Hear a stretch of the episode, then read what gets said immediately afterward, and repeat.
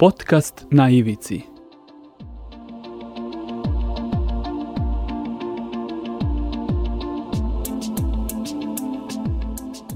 Na ivici. Pozdrav ljudi, otvaramo novu epizodu podcasta na ivici koji se emituje na portalu storyteller.rs. Polako se bližimo kraju e, još jedne godine i u današnjoj epizodi ćemo se posvetiti e, još jednoj temi koju sam ja sebi dozvolio da uvrstim kao temu koja je na ivici i zaista mi je zadovoljstvo što danas mogu da pozdravim načelnicu odeljenja za bolesti zavisnosti klinike za psihijatriju Kliničkog centra Vojvodine, a ujedno, ujedno i šeficu katedre za psihijatriju Medicinskog fakulteta u Novom Sadu, doktorku Aleksandru Dickov. E, doktorka, hvala vam što ste odvojili vreme za e, učestvovanje, da tako kažem, u, ovoj, u ovom projektu i što ste odvojili vreme da govorite za podcast na Ivici. E, hvala i vama što ste me pozvali, što ste mi dali priliku evo da razgovaram i naravno pozdravljam vas i vaše slušalce. Za početak bih e, želeo da e, kažem da ćemo danas govoriti na to ćete me vi demantovati ili ćete potvrditi da li je zapravo tako. Govorit ćemo na jednu dosta aktuelnu i dosta raširenu temu. To je zapravo tema alkoholizma. Šta vi mislite, da li sam dobro rekao, ako, da li je ta tema, ovaj, odnosno da li je ta pojava rasprostranjena u našem društvu i da nam date neku definiciju samog pojma alkoholizam? Koliko zapravo uh, je običnom čoveku uh, da, ta definicija bliska ili poznata? E pa ovako, da je to rasprostranjena pojava, tu uopšte ne grešite, čak i to daleko rasprostranjenije nego što se uopšte i pretpostavlja i što se e, misli, ali baš govoriti o alkoholizmu, to je nešto što mm, mi profesionalci ne volimo da čujemo. E, naime, sama termin alkoholizam je dosta pežurativan i u našem narodu je negde zaživelo da je e, alkoholizam, ona, e, alkoholizam praktično bolest ili poremećaj koju ima alkoholičar. I to je u startu e, jedna kategorija koja čoveka diskriminiše. E, pitali ste šta je otprilike definicije, pa evo nekako možda da sve to u startu objedinim. E, ranije je bilo govor o alkoholizmu koje, kaže, dobio jednu jako negativnu konotaciju u društvu i u odnosu na to ljudi su se postavljali baš grubo. Ne samo ljudi u opštoj javnosti, nego čak i profesionalci, pa da ne kažem i većina psih ili neki psihijatri. E, vremenom se menjao pojam i taj pojam alkoholizam e, zamenjen je jednim drugim terminom, to je zavisnost od alkohola. Ako govorimo o zavisnosti, to je već kategorija bolesti. Znači, nije bezobrazluk, to je bolest. E sad, mhm. šta je tačno zavisnost od alkohola E, tu postoje promene. Do negde, do pre, da kažem, deseta godina ili tačnije 2014.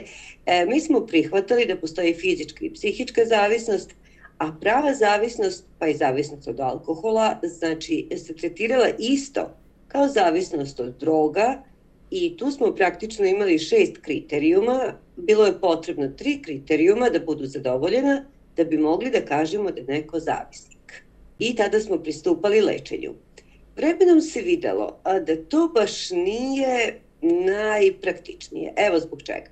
U to vreme, znači od 2014. mi smo imali akutnu intoksikaciju ili trovanje, pa je tako bila akutna intoksikacija alkoholom ili pijanstvo u prevodu. Onda je bila zloupotreba alkohola, to je kad se alkohol uzima preko mere i bila je zavisnost od alkohola, koja je tema koja je nekada, kažem, bila pandan alkoholizmu. Mm -hmm. Kasnije se videlo da je to sve isto. U kom smislu? A, ako neko zloupotrebljava alkohol, ako se intoksikacije ili pijanstva često ponavljaju, oni su uvod u zloupotrebu. Ako zloupotreba postaje česta, ona vodi ka zavisnosti. I tako se napravio novi koncept praktično 2014. godine koji kaže da je e, uzimanje alkohola prekomerno ili intoksikacija ili pijanstvo u prevodu početak razvoja zavisnosti. Znači, pijanstvo je na početku, zavisnost je na kraju i onda mi praktično određujemo na toj nekoj vremenskoj skali gde se određena osoba nalazi i tako pristupamo lečenju. Mm -hmm. Znači, zavisnost je praktično, ako možemo da kažemo, prekomerna upotreba alkohola, kada po novom ima nove kriterijume koje moramo da zadovoljimo i na osnovu tih kriterijuma procenjujemo da li se radi o nekom početnom obliku, da li je srednji teški oblik ili je kompletna zavisnost koja se razvila. To bi bilo ujedno i neka definicija alkoholne zavisnosti, što je tema evo našeg današnjeg razgovora. Da.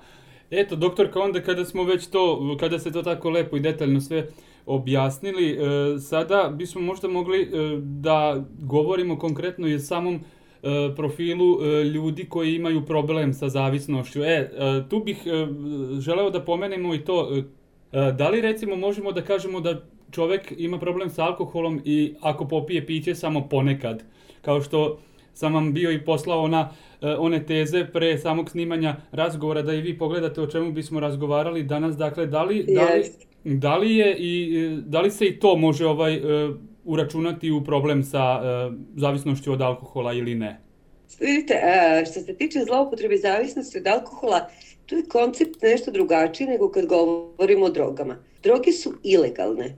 Znači, mm -hmm. sama substanca je ilegalna i ne dozvoljava se nikakvo korišćenje. Što se tiče alkohola, alkohol nije ilegalna droga. On je, da kažemo, legalna psihoaktivna substanca. Znači, substanca koja menja stanje svesti, to ne dovodimo u pitanje, ali koja praktično ima legitimitet za korišćenje. I onda su uh, psihijatri u svetu pokušavali da odrede šta je to što bi negde bilo, da kažem, prihvatljivo i da kažemo da ukoliko osoba toliko uzima alkohola u nekom periodu, tada ne pripada toj rizičnoj kategoriji ili ta količina se može tolerisati. Pa se tako postigao neki konsenzus da četiri alkoholne jedinice, što znači recimo četiri čaše vina ili četiri žestoka pića za muškarca u toku nedelju dana – ili tri alkoholne jedinice za ženu u toku nedelju dana smatramo tolerantnim. Mm -hmm. Sve što bi bilo preko toga predstavlja praktično već neki rizični oblik ili intoksikaciju, zavisi kako se uzima. Znači, to su neke, e, da kažem, merne jedinice koje se dozvoljavaju, obzirom da je kao droga. Neka tolerancija, da, da, da.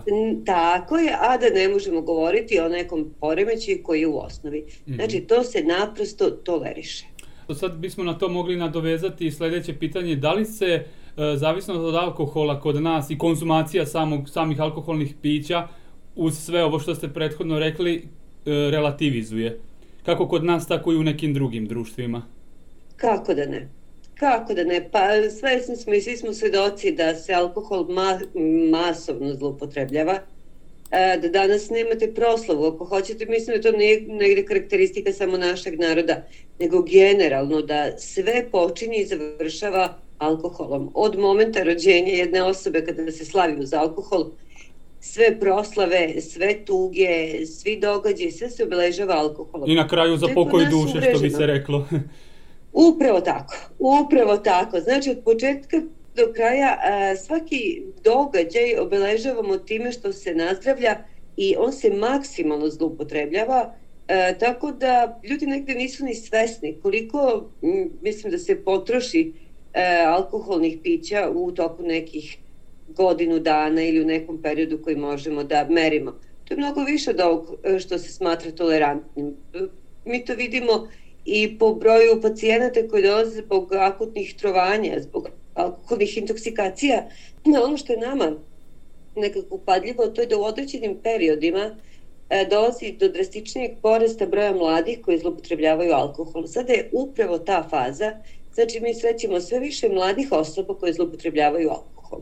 Da, da li je razlog recimo i e, samo e, nekakva iskrivljeni sistem vrednosti koji je, tako ću reći, danas ovaj, dominantan u našem društvu i svi medijski sadržaji koji su pre svega uh, usmereni ka mladima uh, mogu imati za posljedicu baš to što ste rekli, dakle prekomernu konzumaciju i zloupotrebu i alkohola i psihoaktivnih substanci. Jeste, pa znate šta, sigurno da neki događaj ili neka, uh, neki vremenski periodi ne prijeju i ne pogoduju alkoholnim, odnosno pogoduju mladim ljudima i oni se okreću alkoholnim pićima. Ali ove, ovaj, to što kažete, u poslednje vreme je sigurno da postoji jedna visoka napetost u društvu, svi smo svesni i ovih ekonomskih kriza i svega ovoga što se događa i što nas je zateklo u prethodnom periodu, tako da mladi vrlo često svoje probleme, svoju anksioznost koju imaju razrešavaju a, na ovaj način što uzimaju praktično alkohol i tu da. praktično nalaze neki svoj e, ne mogu da kažem mir, to je njihov prividni mir, ali ovaj u nekom periodu od 6 sati oni imaju osjećaj alkohola koji je, moramo da priznamo, znači e, jako dobar anksiolitik, ali naravno sa velikim rizikom da razvije bolest. Da. I to mladi vrlo često koriste, e, ne znajući kako trebaju da koriste, ne, bez mogućnosti da kontrolišu količinu uzetog pića, i onda kažem to se dogodi da praktično vrlo brzo e, među njima dođe i do tih problema koje stvara sam alkohol. Da. E, ako smo već kod mladih, evo, ja mogu da kažem da je nedavno, u prošle godine tačnije, rađena jedna anketa a, na nivou Ministarstva zdravlja koja je merila recimo koji procenat mladih koristi u našoj zemlji recimo alkohol I e, kad se uzme recimo ukupan neki nivo, e, proveravali smo recimo da li postoji razlika među srednjoškolcima u u prvom razredu i u četvrtom, razlika praktično da je zanimarljiva. Što znači da već od prvog razreda srednje škole mladi kreću ekscesivno da piju. E, ono što smo tada dobili e, da mladi koji zlopotrebljavaju alkohol svakog dana e, da su praktično uglavnom e, muškarci da upotreba alkohola raste sa brojem godina, ali to da nije nešto drastično, da je tokom celog srednjoškolskog obrazovanja ona jako zastupljena, e, što nama predstavlja, kažem, veliki problem. Zadovoljstvo životom, e, praktično oni koji su u startu sebe procenili kao da nisu zadovoljni svojim trenutnim životom, E, predstavljaju neki faktor rizika da vrlo brzo i lako razviju alkoholnu zavisnost. E, šta smo još tada dobili? E, da praktično materijalni status se pokazao kao bitan, odnosno u porodicama gde je loš materijalni status, zloupotreba alkohola među mladima je bila viša. Tako da su to neki faktori e, na koje svakako treba obratiti pažnju, jer mladi su nam praktično najrizičnija kategorija. Ovaj, e, hteo sam da vas pitam i to, kako recimo i zbog kog razloga e, čovek e, posegne za alkoholom, za alkoholnim pićem, iako je e, svestan, možda ne u tom momentu i u veselju ili šta već, da alkohol kao takav zapravo nije uopšte koristan, čak je štetan po zdravlje i da ukoliko preterano konzumiramo, tu sledi onda mamurluk i ne znam ja šta, pa opet e, čovek sutradan kaže sebi, ja neću nikad više, pa kroz neko vreme ponovo posegne. Šta je to u čoveku e, sa vašeg profesionalnog aspekta da ga, kako bih rekao, tera da, da, da popije? Da li je to opet ta ne, nekakvo društveno nametanje ili... E, pa vidite kako to opet, e, mi govorimo o tim nekim rizičnim populacijama, to su upravo mladi, oni su nam najbitniji. I tu negde i počinje zloupotreba alkohola. Zna se da se sa alkoholom, evo što pokazuje veliko istraživanje, počinje pre 15. godine. E sada, ako pogledamo šta su ti faktori koji uslovljavaju praktično zloupotrebu alkohola u početku, znači tu negde e, sa 14, 15, 16, 17 godina, to je svakako pripadnost grupi. Taj period, e, to je period adolescencije. Iako se setimo, e, tog perioda, e, to je period kada nam je najbitnije šta društvo misli o nama. To je period kada se praktično negde psihički odvajamo od roditelja, kada su njihovi komentari uvek glupi, kada oni mhm. ništa ne znaju, kada oni ništa ne razumeju i najbitnije je e, šta će reći prijatelj, šta će reći prijateljica, šta će reći devojka, mladić i tako dalje, kako sam obučena, kako izgledam, kakva mi je frizura, znači, mišljenje grupe je u tom periodu izuzetno bitno. Ukoliko osoba boravi u sredini ili u grupi e, koja je sklona alkoholu, odnosno zloupotrebi alkohola, onda će da bi se izjednačila sa tom grupom i ta osoba uzeti alkohol. Onda ide sledeći nivo, to je nivo neke kasne adolescencije, tu negde već od 18. 19. do 22. 3. A to je e, kada se formira već neka individualnost i kada se javlja radoznalost. Znači, osobe čuju da je neko uzeo alkohol, da se napio u određenim situacijama, da bi proverili, oni to koriste. Isprobavaju. To opet tra, isprobavaju. I sada to isprobavanje, nažalost, mnogima se dopadne. Uh, ukoliko prođe period, ukoliko i taj period nekako uspešno prevaziđu, treća faza, to je faza znači negde nakon završetka adolescencije, to je period kada najčešće kreću mentalni poremećaji.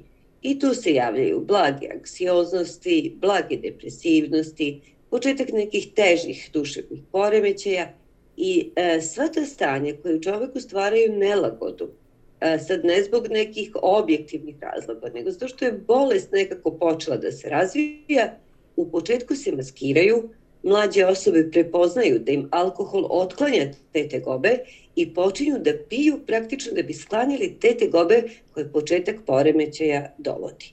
Tako da kad bi gledali, kažemo u početku je to želja da se pripada grupi, kasnije je to radoznalost i želja da se dobije što više informacije i neko novo iskustvo, a u nekom trećem periodu to je početak nekih poremećaja koje alkohol praktično uspeva privremeno da skloni i ponavljajući to svaki put kad Milošević ću alkohol, oni praktično na neki način sebi olakšavaju tu muku, ne shvatajući da tako dozvoljavaju da sam poremećaj koji taj, se razvija da, da. ide neprimećeno, mm -hmm. tako je, znači gubimo dragoceno vreme, a istovremeno razvijaju i alkoholnu zavisnost. Da. To je onako nekako, da kažem, neka najgrublja podela. Da. E, što se tiče porodičnog konteksta, tu opet dobijemo vrlo jasne pokazatelje e, da se alkohol razvija u porodicama koje su zatvorene i koje nemaju adekvatnu komunikaciju i razmenu ni informacija, a ni emocija. Znači, kod hladnih, distanciranih roditelja, kod roditelja koji tome ne pričaju, znači o problemu alkohola ne pričaju sa svojom decom, a, koji su a, strogi, zabranjuju upotrebu, pa deca tada iz inata rade neke stvari. Znači, u tim porodicama srećemo mnogo češće a, decu koja uveliko već a, zađu u problem s alkoholom, a da to nije na nivou porodice prepoznato i da se nisu preuzele sve one mere koje su praktično bile neophodne. Kako priznati problem samom sebi?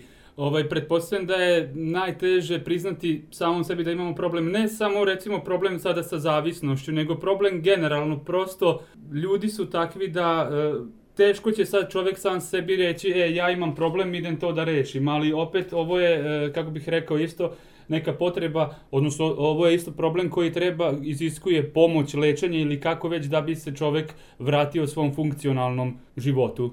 Jeste. Sad to što kažete, ovaj, ljudi su generalno takvi, znate, što kaže, nikad niko nije vidio sobstvene leđa. Teško je sagledati da, e, da, svoj da. defekt, teško je sagledati svoju manu, pa ako hoćemo i bolest, a to je zavisnost od alkohola. E, u odnosu na to, prvo, e, imamo da je sredina, što smo već pričali, dosta tolerantna i jedna doza alkohola se apsolutno toleriše, pa i prelazak granica i te kako može da se toleriše. Desilo se, promaklo, nije znao da kontroliše i tako dalje. To postaje sve češće i češće. Poslednji neki nivo, to je kada alkohol već postaje problem, e, to je otpor porodice da prizna i e, odbijanje da se radi o bolesti, nego da je to stvar lične odluke. To je možda i suštinski problem kada su mhm. uopšte zavisnosti u pitanju. E, cela psihijatrijska grana koja se bavi zavisnostima ima jedno veliko breme prošlosti. E, kada su kada su nekako uopšte zavisnosti, zavisnost od alkohola i droga uvodili u neke zvanične sisteme bolesti, onda su oni bili tretirani nekako usputno, kao, kao da ne kažem poremeći ponašanja, kao bezobrazluk. Mm -hmm. I nas praktično uh, to breme prati od početka. Vremenom rađena su brojna, brojna istraživanja koje su jasno pokazala da uzimanje bilo koje psihoaktivne substance, ako hoćete i, i nikotina, i alkohola, čak i kofeina, a ne nekih težih droga, dovodi do ozbiljnih promena u mozgu, ali vrlo ozbiljnih.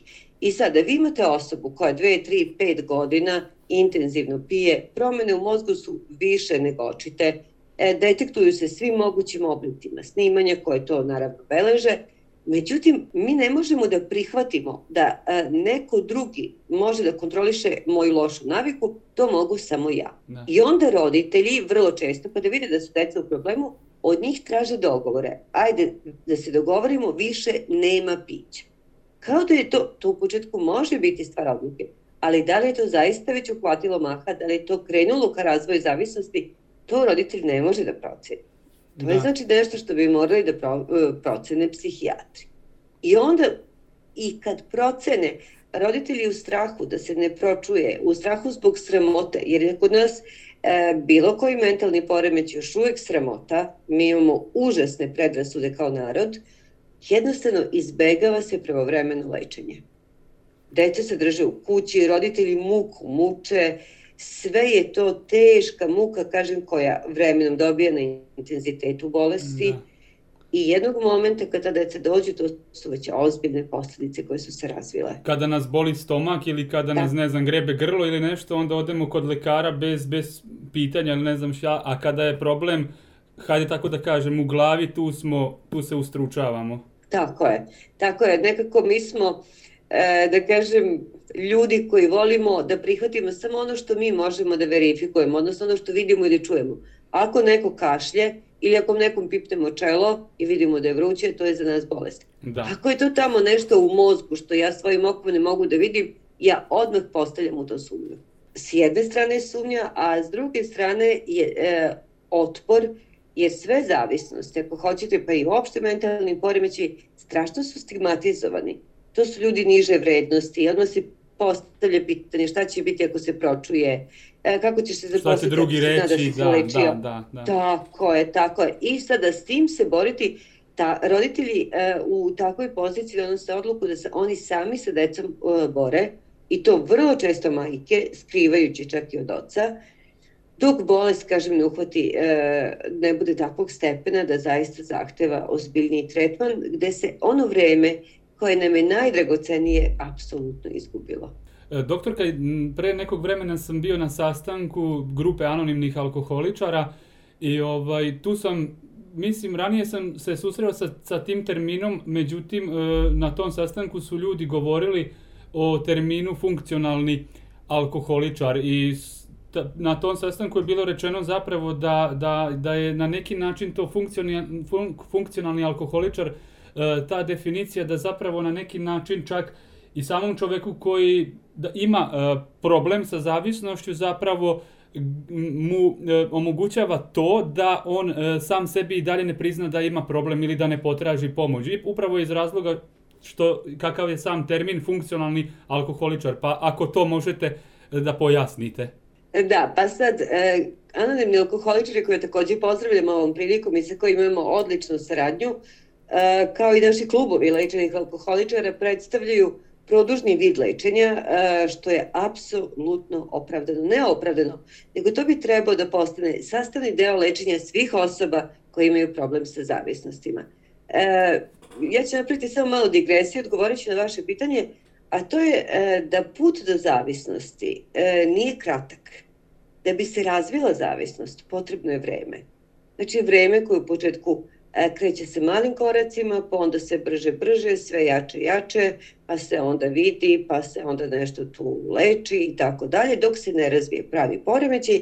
Znači, ceo jedan proces, vreme u kome se događa niz procesa u mozgu da bi osoba postala zavisna. E, najveća zabluda je da bilo koju zavisnost možemo lečiti jednom tabletom ili da se može izlečiti za nedelju dana, dve, tri. Nešto što se formira pet ili deset godina ne može da se izleči za tri nedelje. To je najveća zabluda roditelja koji veruju u bajke da će otići u neku instituciju koja će uraditi neki detoks ili dati neku tabletu i da će njihova deca ili partneri ili roditelji bilo ko biti izlečeni. To je kupovanje zablude od toga nema ništa. Znači, kao što je proces potreban da bi se zavisnost formirala, potreban je proces i da bi zavisnost prestala. Znači, vreme i rad sa tim problemom, odnosno protiv tog problema. Zbog toga zdravstvo kao regularne zdravstvene ustanove mogu da urade jedan deo.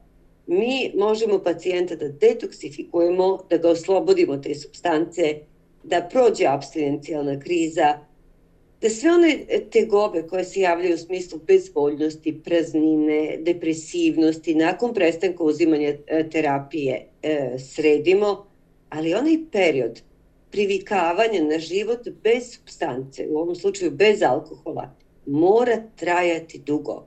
E, taj deo treba da se sprovodi kroz, i sprovodi se kroz klubove anonimnih alkoholičara i klubove lečenih alkoholičara. To je znači nešto što je apsolutno potrebno za onog ko hoće toga da se oslobodi.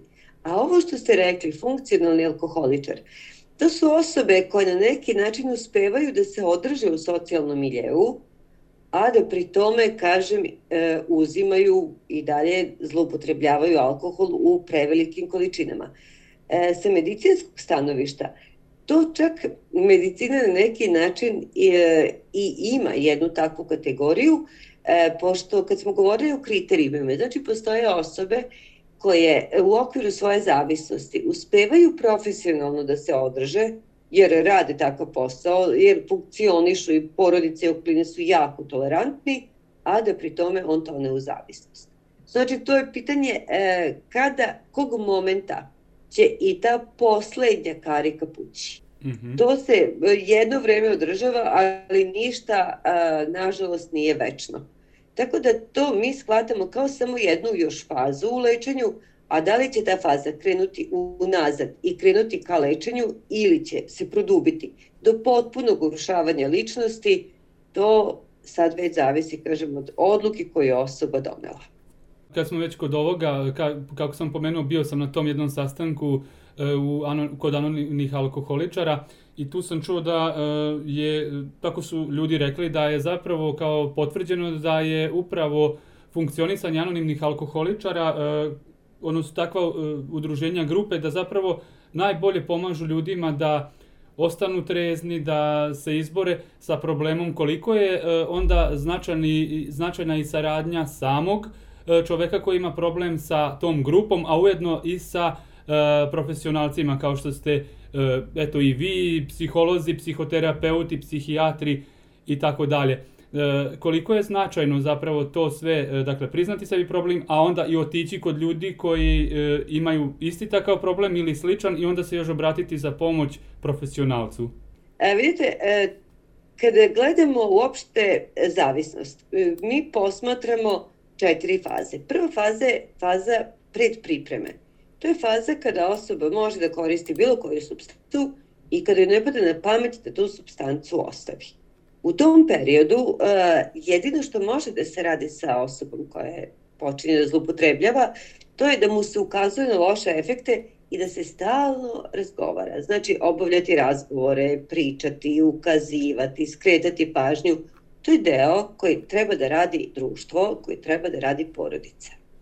Nakon toga, to je predpripremna faza. Pripremna faza je kada osoba već počinje da razmišlja da ima pro, e, problem da bi taj problem trebala da reši i da u odnosu na to e, mora da donese neku odluku da li će se javiti na lečenje, gde će, šta će. Tu već uključujemo psihologe, psihoterapeute. To su savjetovališta.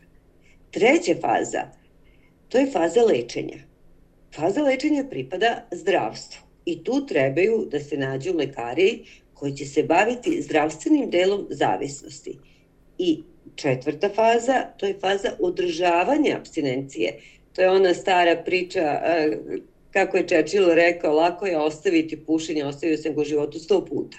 Mm -hmm. A, znači, nije problem ostaviti substancu, problem je ostati u tom stanju bez substance.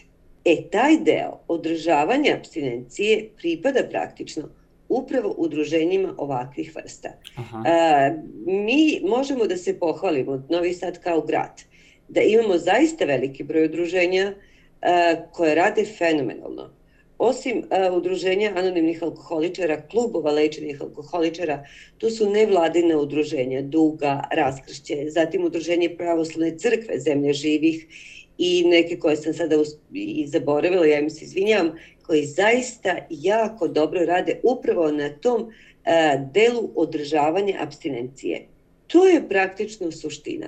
Mi čoveka dovedemo do toga da, uh, da se otrezni, da mu se glava izbistri i iščisti, da dobije šansu da ostavi substancu, u ovom slučaju piće, a pomoć da to uradi praktično ne može e, da održava zdravstveni sistem. To bi bili ogromni kapaciteti koji bi morali da budu angažovani, a pokazalo se da je po efikasnosti e, rad e, klubova lečenih alkoholičara, anonimnih alkoholičara identičan uz naravno superviziju, uz saradnju, uz neke edukacije i tako dalje. Ali praktično to je deo koji pripada ljudima koji to jako dobro iskustveno razumeju i naravno to dobro mogu da prenesu. E, znači, kada govorimo o zavisnostima, svako ima svoj delokrug rada. Da. I najbolje je kad se ljudi razumeju, kad jedni drugi uvažavaju i kad svako radi ono zašto je obučen. Niti bi e, mi koji radimo na ovom odeljenju mogli toliko efikasno i uspešno a, da držimo klubove lečenih alkoholičara ili anonimnih alkoholičara, niti očekujemo da ljudi koji to rade mogu da sprovode e, tretman kako se sprovodi u zdravstvenim ustanovama. Znači, svako treba da radi svoj deo najbolje što zna, a svi zajedno idemo ka istom cilju da čoveka održimo u stanju bez substance. Znači, Jasno. bez podrške, bez saradnje nema uspešnog lečenja. Ima, ali to je jako malo. Još bih se nadovezao na to da E, za, da li mora čovjek koji je imao problem sa zavisnošću, je to u ovom konkretnom slučaju sa zavisnošću od alkohola, sebe da praktično stalno podsjeća na to da je imao problem i da broji dane koliko je već trezan, pošto sam ovaj, isto to primetio da, odnosno tako su mi rekli e, ljudi u udruženju anonimnih alkoholičara da dobijaju onda i e, neke žetončiće i slično nakon kada su godinu dana trezni ili dve i slično. Da li prosto mora čovjek sebe koji je imao problem da podsjeća na to da je imao problem da se ne bi vratio ili, ili šta je tu u pitanju? Znate kako, i tu je teško dati apsolutno sad savet. To zavisi od čovjeka. Vi imate ljudi koji su već po prirodni obsesivni, koji se stalno preispituju, pa ako im još nametnemo da stalno sebe podsjećaju, to neće biti dobro. E, postoje neki univerzalni principi, znači ne može se zaboraviti, to je jedan period života uvek nam to iskustvo služi da bi mogli da planiramo kako dalje. To treba imati na umu da čovek ne upadne u istu zamku. Znači koristiti to što je bilo e, kao jedno iskustvo kako ćemo dalje. A sada stalno pričati o tome, to mislim da ipak ne treba preterivati, posebno u nekim kasnijim fazama. To je dovelo i do toga da se postavlja pitanje a, da li postoji izlečenih zavisnika, da li je zavisnost izlečiva, Da li je, pa znate, e, ako pogledamo, to bi bilo kao kad bi neko ko ima tuberkulozu e, ceo život morao da ponavlja ja sam bivši e, tuberkulozni pacijent. On je imao, on definitivno ima promene na RTG-u kad god se pogleda i snimi pluća, vidi se gde su bili ti ožiljci, ali to je čovjek je to imao, dobio, odbolovao, prošao, idemo dalje. Ta osoba jeste sklonija da sutra ponovo dobije tuberkulozu ali to ne znači da ceo život treba da se vodi kao lečeni tuberkulozni bolesnik. Tako da mhm. smatram da i ovo ne treba da bude. Zna se da dve godine otprilike treba da, ukoliko čovjek dve godine napravi pauzu, da tu dijagnozu treba skinuti. I da to više nema razloga da držimo. E, a sad, koliko će ko sebe podsjećati? Pa sigurno da će u nekim kritičnim situacijama to podsjećanje biti potrebno. Ako čovjek živi normalno, ako je ostavio to po strani, ako je normalno uspostavio socijalne relacije i funkcije, čemu to stalno podsjećanje i to mislim da malo i unižava samu ličnost, a to nikako ne može biti dobro. Jasno. Znači treba biti potpuno realan. Problem je bio e, razmišljati o situacijama koje su nas uvele u problem, sigurno da nam pruže mogućnost da bolje planiramo budući period. Ali sad stalno sebe kriviti, stalno podsjećati. Eto, često imam da mladi zameraju posebno roditeljima ili partnerima koji ih stalno vraćaju na to, e, kad si ti pio, e, ako gledaju film, vidiš, tako si ti nekad. Ako se nešto pojavi, e, tako si mogao ti da prođeš. Znači, mm -hmm. stalno podsjećanje, to ne vidim da ikako može biti dobro. Razmišljati kao prevencija, da, ali stalno se sećati svog, da ne kažem, greha, pa to, to strašno opterećuje. To kome bi to od nas prijelo? Da. A nemoguće da baš nikad u životu nismo pogrešili. Tako je. I možda evo, e, polako se bližimo i kraju e, razgovora. E, hteo bih još možda, iako se to već u ranijem delu pomenuli, da ljudi koji su imali problem sa zavisnošću ili, su, ili ga imaju, često bivaju i marginalizovani, postoje različite predrasude od, od pomenutog težeg pronalaženja posla, posla i slično. Opet je ta neka, dakle, ponovno uključivanje u društvo može biti problematično, jel da? Ne da može biti, nego jeste. E, to vrlo često dobijamo da osobe koje imaju, to znate, to je već poznato narodu, koje imaju F diagnozu, kako oni kažu, jako teško dobijaju posao. E, jednostavno ne daje im se prilika prilikom izbora da li će dati nekome ko nema medicinsku dokumentaciju, što ne znači da je zdrav ovaj, nekome ko je lečen, uvek će se opredeliti za onog ko nema potvrdu da je psihijatrijski lečen, što mislim da je e, velika nepravda Jer e, samo da ne bude zablude, sve zavisnosti i sve duševne bolesti mogu da se jave. Niko od nas nije operisan od depresije, e, od nekog perioda zloupotrebe pa i zavisnosti, neke psihoaktivne substance. To vrlo često uslavljavaju i socijalne relacije. Ne znamo što u životu koga može da zadesi. Prema tome, tako na neki način stigmatizovati ljude to je vrlo opasno, ne znamo šta nas sutra čeka. Znači moramo biti vrlo realni da se radi o jednoj bolesti, da je bolest uslovljena sa više faktora, da treba da se leči kao i svaka druga bolest. Jednog momenta kad to prihvatimo, ali istinski prihvatimo i kada prekinemo da smatramo da je to stvar slobodne volje ili stvar izbora, u tom slučaju ćemo imati i odnos kao prema bilo kojoj drugoj bolesti, Znači, nećemo to dovoditi u pitanje ako neko ima problem, ako se potpiše da je on dobro, zašto bi mi sad očekivali da se pogorša. Ali ako se pogorša, to nije problem, opet će se srediti i opet će možda biti funkcionalan pet godina. Prema tome ne znamo mi e, da će neko možda dobiti neku drugu bolest. Mislim da tu ne bi trebalo, bi tu trebalo promeniti način razmišljanja. Ali sada je upravo kako kažete, osobama e, koje imaju F diagnozu, posebno osobama koje su imale zavisnost od alkohola ili od neke druge psihoaktivne substance, šansa se jako teško daje. Da, jako. trebalo bi, trebalo bi onda nekako kolektivno da se e, kolektivna svest na neki način valjda promeni ili kako već, to su kako kažete i ljudi koji su imaju tu F diagnozu, ali postoji neke druge jel, kategorije, kako društvene, tako i neke druge koje su marginalizovane i zbog toga zapravo Jest možda na neki način je i ovaj podcast zapravo dobar primjer kako e, razbijati predrasude i kako zapravo predstaviti i pogledati problemu u oči. E, upravo ste, mislim da je s tim ovaj vaš neki naziv na ivici zaista dobar, jer ovo su ljudi e, koji stvarno žive na ivici, vrlo često na ivici gde su ih gurnuli drugi ili zbog nekih svojih problema i ovo je stvarno prilika da se još jednom ovome otvoreno priča, a slažem se da bi, da bi trebalo razmišljati, da bi trebalo promeniti način razmišljanja koji svima nanosi štetu. Doktorka, e, sa ovom vašom rečenicom bih i zaključio današnju epizodu podcasta e, na Ivici. Hvala vam još jednom što ste odvojili vreme i nadam se da smo, da smo uspeli odgovoriti na osnovu ovih vaših istrpnih e, odgovora, makar malo zapravo ovaj, na neki način predočiti problem zavisnosti od alkohola. Ja vam zahvaljujem što ste odvojili vreme za nas i nas, naše slušaoce i Hvala lepo, pozdravljam vas i ako bilo kada treba neka emisija, ako vaši slušalci imaju neka pitanja, oni se mogu javiti preko našeg sajta kliničkog centra i mi ćemo stvarno biti srećni da možemo da pomažemo kao i do sada. Hvala vam mnogo, dragi ljudi, bila je to načelnica Odeljenja za bolesti zavisnosti klinike za psihijatriju Kliničkog centra Vojvodine i šefica katedre za psihijatriju Medicinskog fakulteta u Novom Sadu, Aleksandra Dickov. E, tema e, alkoholizma i problema sa zavisnošću alkoholizma ovim razgovorom e, svakako nije zatvorena, ukoliko bude mogućnosti ponovo ćemo govoriti o ovoj temi za ovaj put toliko i slušamo se sledećeg meseca.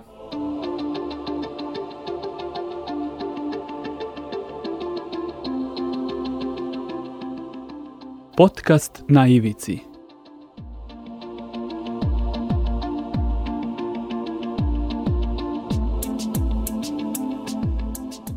Na ivici. Ovaj podcast je nastao zahvaljujući financijskoj podršci građana i građanki u okviru kampanje lokalnih medija Tačka okupljanja Nezavisnog društva novinara Vojvodine.